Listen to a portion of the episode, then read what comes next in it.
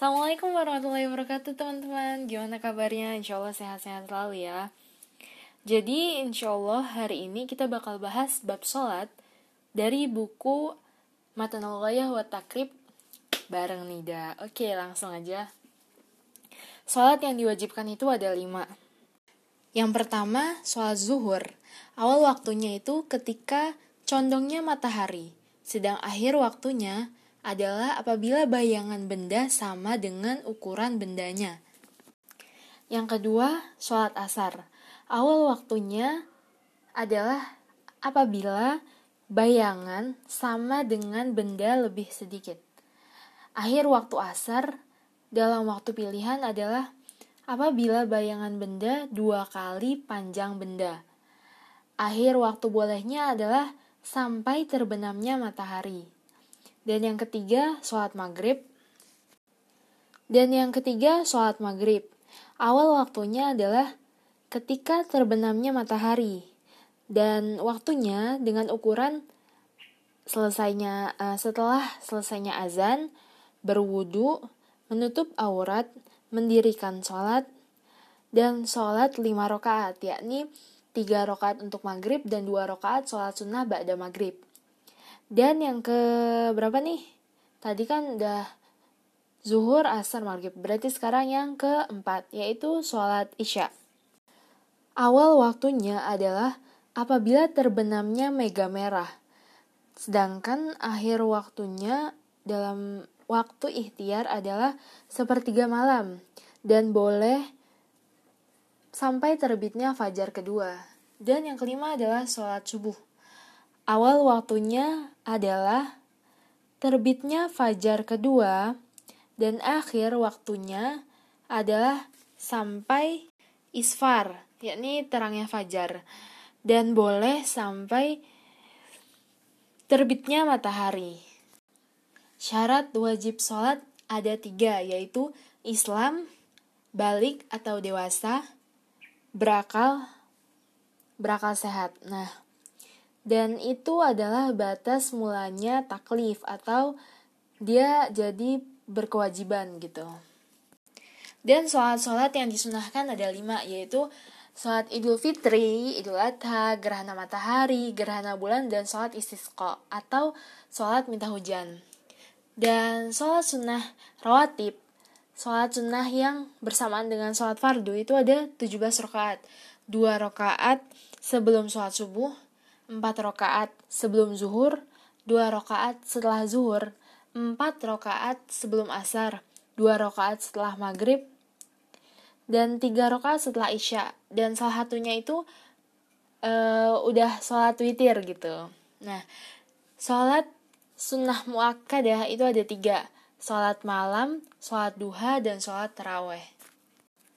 Dan syaratnya sholat sebelum melaksanakan sholat itu ada lima yaitu suci anggota badan dari hadas dan najis, menutup aurat dengan kain yang suci, berdiri pada tempat yang suci, tahu waktunya wak wa tahu waktu masuknya sholat, menghadap kiblat. Nah, boleh nggak ngadep kiblat dalam dua keadaan aja.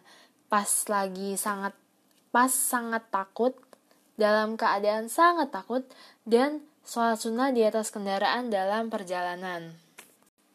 Dan selanjutnya rukun-rukun sholat. Nah sebelum itu rukun sholat itu maksudnya adalah perbuatan yang harus kita laksanakan saat sholat. Nah apabila tidak kita laksanakan maka sholatnya itu tidak sah. Nah di sini rukun sholat ada 18.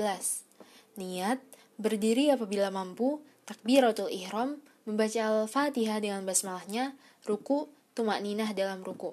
Bangun dari ruku, itidal yakni berdiri setelah ruku tumak ninah dalam i'tidal, sujud dan tumak ninah dalam sujud, duduk di antara dua sujud dan tumak ninah di dalamnya, duduk terakhir dan tasyahud atau tahiyat saat duduk terakhir, membaca sholawat pada Nabi saat tahiyat akhir. Salam pertama, niat keluar dari sholat tertib sesuai urutan rukun yang tadi sudah disebutkan. Nah, sunnahnya sebelum melaksanakan sholat itu ada dua, yaitu azan dan ikomah. Sedangkan sunnahnya dalam sholat ada dua yaitu tasyahud pertama dan membaca kunut saat sholat subuh dan sholat witir pada pertengahan kedua bulan Ramadan. Nah, tata cara yang disunahkan dalam sholat ada 15 yaitu mengangkat kedua tangan saat takbiratul ihram, mengangkat tangan saat ruku, mengangkat tangan saat bangun dari ruku, meletakkan tangan kanan di atas tangan kiri, tawajjuh, membaca a'udzubillah, mengeraskan suara dan membelankan suara sesuai tempatnya, membaca amin, membaca surat setelah membaca surat Al-Fatihah, membaca takbir saat naik atau turun, mengatakan sami Allahu liman hamidah, Rabbana walakal hamdu dan tasbih saat ruku dan sujud. Meletakkan kedua tangan di atas kedua paha saat duduk, membuka tangan kiri, sedang tangan kanan menggenggam kecuali jari telunjuk yang menunjuk saat tahiyat. Duduk iftiraj pada setiap duduk duduk tawarruk pada duduk yang akhir, salam yang kedua. Nah, untuk tambahan, dalam mazhab syafi'i, sunnah sholat itu ada dua macam, sunnah abad dan sunnah hayat. Sunnah abad itu sunnah yang bila ditinggalkan, pelakunya dianjurkan untuk menggantinya dengan sujud sahwi. Misalnya, kunut waktu subuh. Sedangkan sunnah hayat ini nggak demikian. Oh, gini. Sholat perempuan berbeda dengan laki-laki dalam lima perkara. Laki-laki menjauhkan kedua sikutnya dari lambungnya. Laki-laki menjauhkan perut dari kedua pahanya dalam ruku dan sujud. Laki-laki mengeraskan suara di tempat yang dianjurkan mengeraskan suara. Apabila imam melakukan kesalahan, laki-laki mengucapkan tasbih yakni subhanallah. Aurat laki-laki adalah pusar dan lutut. Perempuan mendekatkan sikutnya Afwan, perempuan mendekatkan sikunya satu sama lain. Perempuan memelankan suaranya di dekat laki-laki bukan mahram. Apabila imam melakukan kesalahan, makmum perempuan bertepuk tangan. Seluruh badan perempuan itu aurat, kecuali wajah dan telapak tangan. Sedangkan budak perempuan auratnya seperti laki-laki. Dan perkara yang membatalkan sholat itu ada sebelas berbicara secara sengaja, melakukan gerakan yang banyak, hadas besar, hadas kecil, adanya najis, terbukanya aurat, berubahnya niat, membelakangi kiblat, makan, minum, tertawa terbahak-bahak, dan murtad. Jumlah rokaat Sholat fardu ada 17 rakaat, 34 sujud, 94 takbir, 9 tahiyat, 10 salam, 153 tasbih. Dan jumlah rukun dalam sholat ada 126 rukun. Sholat subuh 30 rukun, maghrib 42 rukun, sholat 4 rakaat ada 54 rukun. Barang siapa yang tidak mampu berdiri dalam sholat fardu, maka boleh sholat duduk. Yang tidak mampu duduk, boleh sholat tidur miring. Nah, perkara yang ditinggalkan dalam sholat itu ada tiga macam. Fardu, sunnah, dan hayat. Adapun fardu yang tertinggal tidak perlu mengganti apabila murni karena lupa. Tetapi apabila ingat dan waktunya dekat, maka harus dilakukan dan sujud sahwi. Sedangkan sunnah yang tertinggal tidak perlu mengulangi apabila sudah melakukan hal yang fardu. Akan tetapi hendaknya melakukan sujud sahwi. Sedangkan hay'ah yang tertinggal tidak perlu mengulangi dan sujud sahwi. Nah, apabila ragu dalam jumlah rakaat sholat, maka lakukanlah berdasarkan rakaat yang yakin, yaitu yang paling sedikit dan hendaknya sujud sahwi. Sujud sahwi itu sunnah dan dilakukan sebelum salam.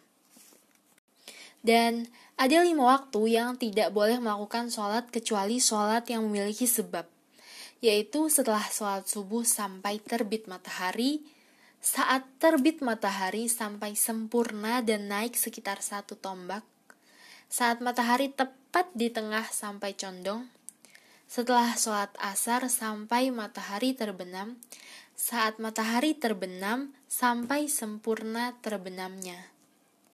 Dan sholat jamaah itu hukumnya sunnah muakkadah. Makmum harus berniat jadi makmum. Sedang imam gak wajib berniat kalau dia menjadi imam. Nah, boleh orang yang merdeka bermakmum pada budak, orang balik pada yang belum balik. Nah, tidak sah laki-laki bermakmum pada wanita Orang yang pintar membaca Quran kepada yang buta huruf. Makmum Makmum boleh sholat di tempat mana pun dari posisi imam di masjid. Asal dia tahu sholatnya itu hukumnya sah, selagi si makmum ini nggak mendahului imam. Apabila imam sholat di masjid sedang makmum di luar masjid yang dekat dan tapi dia dan dia tahu dengan sholatnya itu dan gak ada penghalang antara keduanya itu boleh. Dan boleh untuk musafir mengkosor sholat yang empat rakaat jadi dua rakaat, tapi dengan lima syarat. Bukan perjalanan maksiat. Jarak yang ditempuh mencapai 16 fasa. 16 fasa itu kira-kira antara 81 sampai 85 km. Selanjutnya, sholat empat rakaat niat kosor saat takbiratul ihram atau takbir pertama dan tidak bermakmum pada orang yang mukim. Dan diperbolehkan untuk musafir menjamak atau mengumpulkan sholat. Dan uh, sholat antara zuhur dan asar dalam satu waktu yang mana saja dan sholat as maghrib dan isya di waktu yang mana saja. Maksud menjamak sholat di sini tuh ya menjam mengumpulkan dua sholat fardu dalam satu waktu kayak misalnya sholat zuhur dan asar dikumpulkan di sholat zuhur di waktu zuhur. Berarti di sini maksudnya jamak takdim. Tapi kalau sholat zuhur dan asarnya dilaksanakan pada waktu sholat asar berarti di sini jamak takhir. Ah mafhum lah ya insya Allah. Nah Orang yang bukan musafir juga boleh menjamak sholat dalam keadaan hujan dengan syarat melakukannya di waktu yang pertama. Oh, BTW ini baru hujan ya. Jadi maaf kalau ada kayak kresek-kresek itu maksud itu bukan HP-nya yang jelek ya, tapi emang lagi hujan di luar gitu. Ya, kita lanjut dan syarat wajibnya sholat Jumat itu ada tujuh. Islam balik berakal sehat, merdeka, laki-laki sehat bertempat tinggal tetap atau maksudnya menetap di suatu wilayah. Dan syarat pelaksanaan sholat Jumat itu ada tiga. Adanya tempat itu berupa kota atau desa. Jumlah orang yang melaksanakan sholat itu ada 40 jamaah. Terus waktunya tuh cukup untuk pelaksanaan sholat Jumat dan apabila waktunya habis atau syarat tidak terpenuhi, maka diganti dengan sholat zuhur.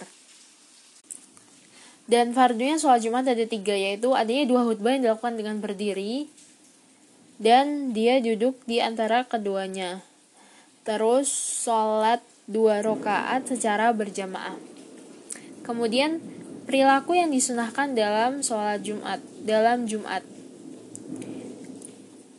Ada empat mandi dan membersihkan badan, mengenakan pakaian putih, memotong kuku, dan memakai parfum.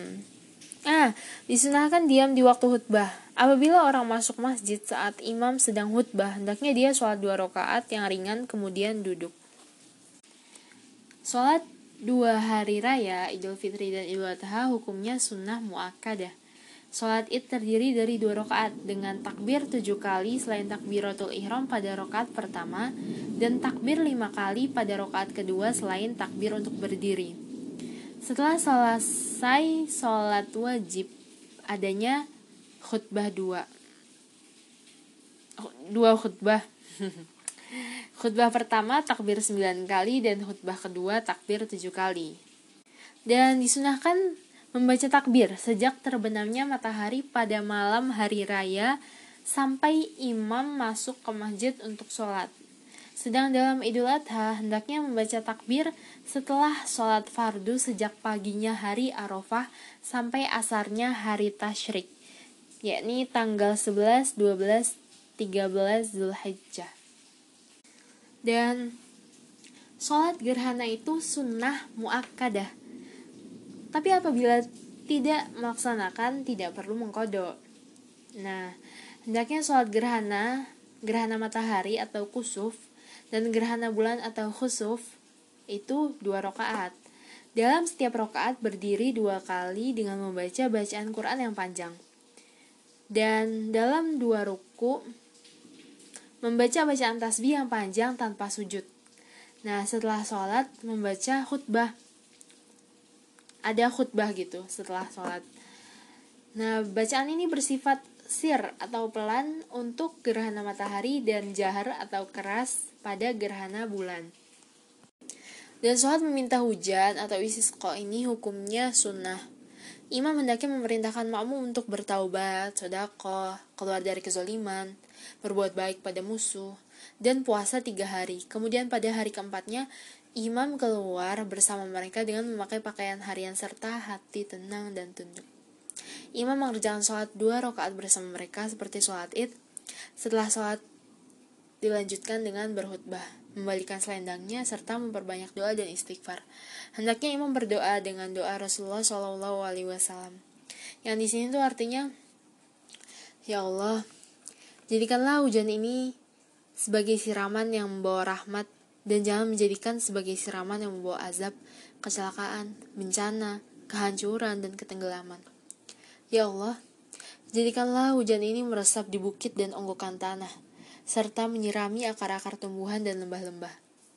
Ya Allah, jauhkanlah dari kami dan janganlah menjadi bencana bagi kami.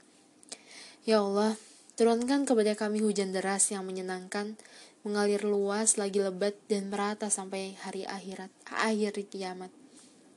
Ya Allah, turunkanlah hujan kepada kami dan janganlah jadikan kami termasuk orang-orang yang putus asa.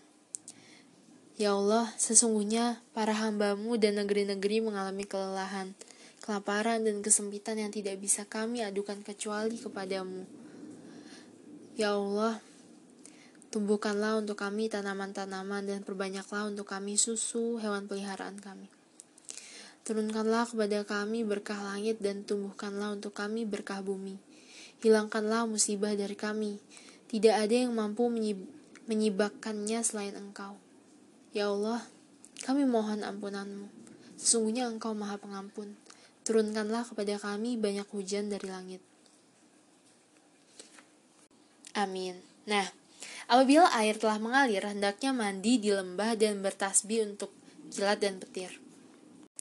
Dan sholat khauf atau biasanya ini dilaksanakan dalam keadaan perang ini ada tiga macam. Yang pertama, adanya musuh di, bukan di arah kiblat. Dalam hal ini, imam memisah makmum ke dalam dua kelompok. Kelompok pertama terdiri e, berdiri maksudnya menghadap musuh. Sedang kelompok kedua di belakangnya. Imam sholat dengan kelompok kedua satu rakaat Kemudian kelompok kedua menyempurnakan sholatnya sendiri dan terus menghadap musuh. Kelompok pertama datang dan imam sholat satu rakaat dengan kelompok pertama yang menyempurnakan sholatnya. Dan imam mengucap salam dengan kelompok pertama. Yang kedua, musuh berada di arah kiblat. Imam membariskan makmum dalam dua baris dan melakukan takbiratul ihram dengan semuanya. Apabila imam sujud, maka ia sujud dengan salah satu soft atau barisan jamaah dengan barisan yang lain berdiri menjaga. Apabila imam bangun, maka soft kedua sujud dan ikut menyusul berdiri bersama imam dan barisan yang lain. Ketiga, situasi dalam keadaan sangat menakutkan dan perang sedang berkecamuk maka siapa pun hendaknya sholat sebisanya baik dalam keadaan sambil jalan kaki atau naik kendaraan, menghadap kiblat atau tidak menghadap kiblat. Nah, selanjutnya kita membahas hukum cincin emas dan pakaian sutra. Untuk laki-laki haram memakai pakaian dari sutra dan memakai cincin emas, tapi halal bagi perempuan. Sedikit dan banyak sama haramnya. Apabila sebagian pakaian terdiri dari sutra, sedang sebagian yang lain kain katun, maka boleh memakainya selagi sutranya tidak dominan. Empat perkara wajib dilakukan terhadap mayat atau jenazah, yaitu memandikan, mengkafani, menyolati, dan menguburkan mayat. Nah, ada dua mayat yang tidak perlu dimandikan dan disolati, yaitu muslim yang mati syahid untuk memerangi orang kafir dan bayi lahir keguguran yang tidak bersuara. Nah, mayat ini dimandikan ganjil. Basuhan yang pertama dicampuri daun kelor, dan di akhir basuhan sedikit dicampuri kapur barus. Dan dikafani tiga pakaian yang putih, tidak ada di dalamnya komis dan sorban. Dan selanjutnya sholat jenazah. Bertakbir untuknya empat takbiran. Membaca Al-Fatihah setelah takbiran pertama, dan bersolawat kepada Nabi setelah takbir yang kedua dan berdoa untuk mayat setelah takbir yang ketiga selain berkata Ya Allah ini adalah hambamu dan anak hambamu dia telah keluar dari roh dunianya dan luasnya dunia dan yang dicintainya dan yang mencintainya kepada kegelapan alam kubur dan sesuatu yang akan ditemuinya. Dan dia telah bersyahadat, telah bersaksi bahwa tidak ada Tuhan selain engkau. Seorang. Dan tidak ada sekutu bagimu, serta menyaksikan bahwa Muhammad adalah hambamu dan utusanmu. Dan engkau lebih tahu tentang hal ini. Ya Allah, sesungguhnya, sesungguhnya dia telah bertempat di sisimu dan engkau adalah sebaik-baik tempat untuknya. Dan dia sekarang membutuhkan rahmatmu dan engkau adalah zat yang kaya atas siksaannya. Kami datang kepadamu berharap sebuah pertolongan untuknya. Ya Allah, jika dia baik, maka tambahkan kebaikannya. Jika dia buruk, atau jelek, maka ampunilah dia. Dan temukan dia karena rahmatmu dan ridomu. Selamatkanlah dia dari fitnah dan azab kubur. Dan luaskanlah kuburnya. Sisihkan tanah dari sekitarnya. Dan temukanlah dia sebab rahmatmu dengan kesentausaan dari siksamu sampai engkau bangkitkan dengan kesentausaan ke surgamu dengan rahmatmu wahai zat yang paling penyayang dan setelah takbir yang keempat berdoa ya Allah jangan engkau tahan pahalanya dan selamatkanlah dia. Dan janganlah engkau fitnah setelah kepergiannya. Dan ampunilah kami dan dia. Dan mengucap salam setelah berdoa sesudah takbir yang keempat. Dan dia di, dan dikuburkan di lubang lahat dengan menghadap kiblat dan diturunkan dari arah kepalanya dengan pelan-pelan. Dan bagi yang memasukkan mayat ke lahat maka berdoa dengan menyebut nama Allah dan mengikuti agama Rasulullah. Dengan membaringkannya di kubur setelah kubur didalamkan sedalam tinggi orang dan lebih setelapak tangan. Kubur di uh, maka dikuburkan di timbun tinggi tengah dan tidak boleh dibangun di lab pakai semen. Dan tidak apa-apa menangisi mayat dengan tanpa mengeluh dan tanpa merobek nyobek kerah baju dan ditakziahi ahli mayit sampai tiga hari terhitung setelah pemakamannya dan tidak boleh dikubur dua orang dalam satu kubur kecuali ada keperluan Oke, tata cara sholat jenazah yang barusan adalah yang terakhir di bab sholat. Insya Allah setelah bab sholat kita bakal bahas bab zakat. Syukron, semoga bermanfaat. Wassalamualaikum warahmatullahi wabarakatuh.